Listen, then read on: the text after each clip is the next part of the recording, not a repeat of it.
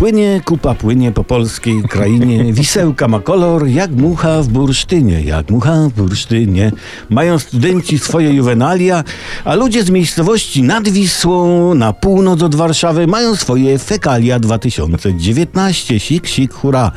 Od chwili awarii kolektorów cenne, bo stołeczne fekalia zasiliły Wisłę już ponad milionem metrów sześciennych ścieków płynących do morza. Można powiedzieć, że nic się nie stało, prawda? Ozonujemy, ozonujemy towarzysze, a ta woda w Wiśle to taki bratni dar od Rafała z Warszawy dla Aleksandry w Gdańsku, gdyż ta woda ma, jak określono w raporcie, odcień lekko brązowy, jak egzotyczny gość pani Aleksandry.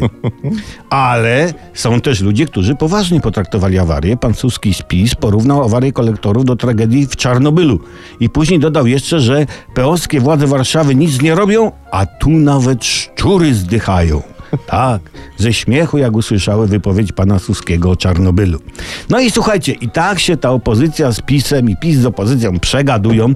I ja wam powiem, szkoda, że wypowiedzi polityków nie można tak jak tej zatrutej wody Wiśle ozonować, czyli neutralizować. No i one sobie płyną, te fekalia słowne, zatruwając cały kraj. Pię piękna metaforka, nie?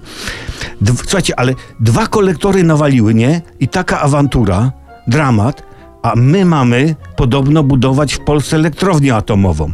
To ja bym się kurczaka zastanowił. Ja bym się zastanowił. No ale słuchajcie, co nam szaraczkom zostało? No cóż, zachować dystans, cieszyć się życiem mimo tej awarii i zaśpiewać radośnie. Płyną ścieki, płyną prościutko do morza, a ja ciebie kocham, boś ty dziewka chorza. Hej, siup.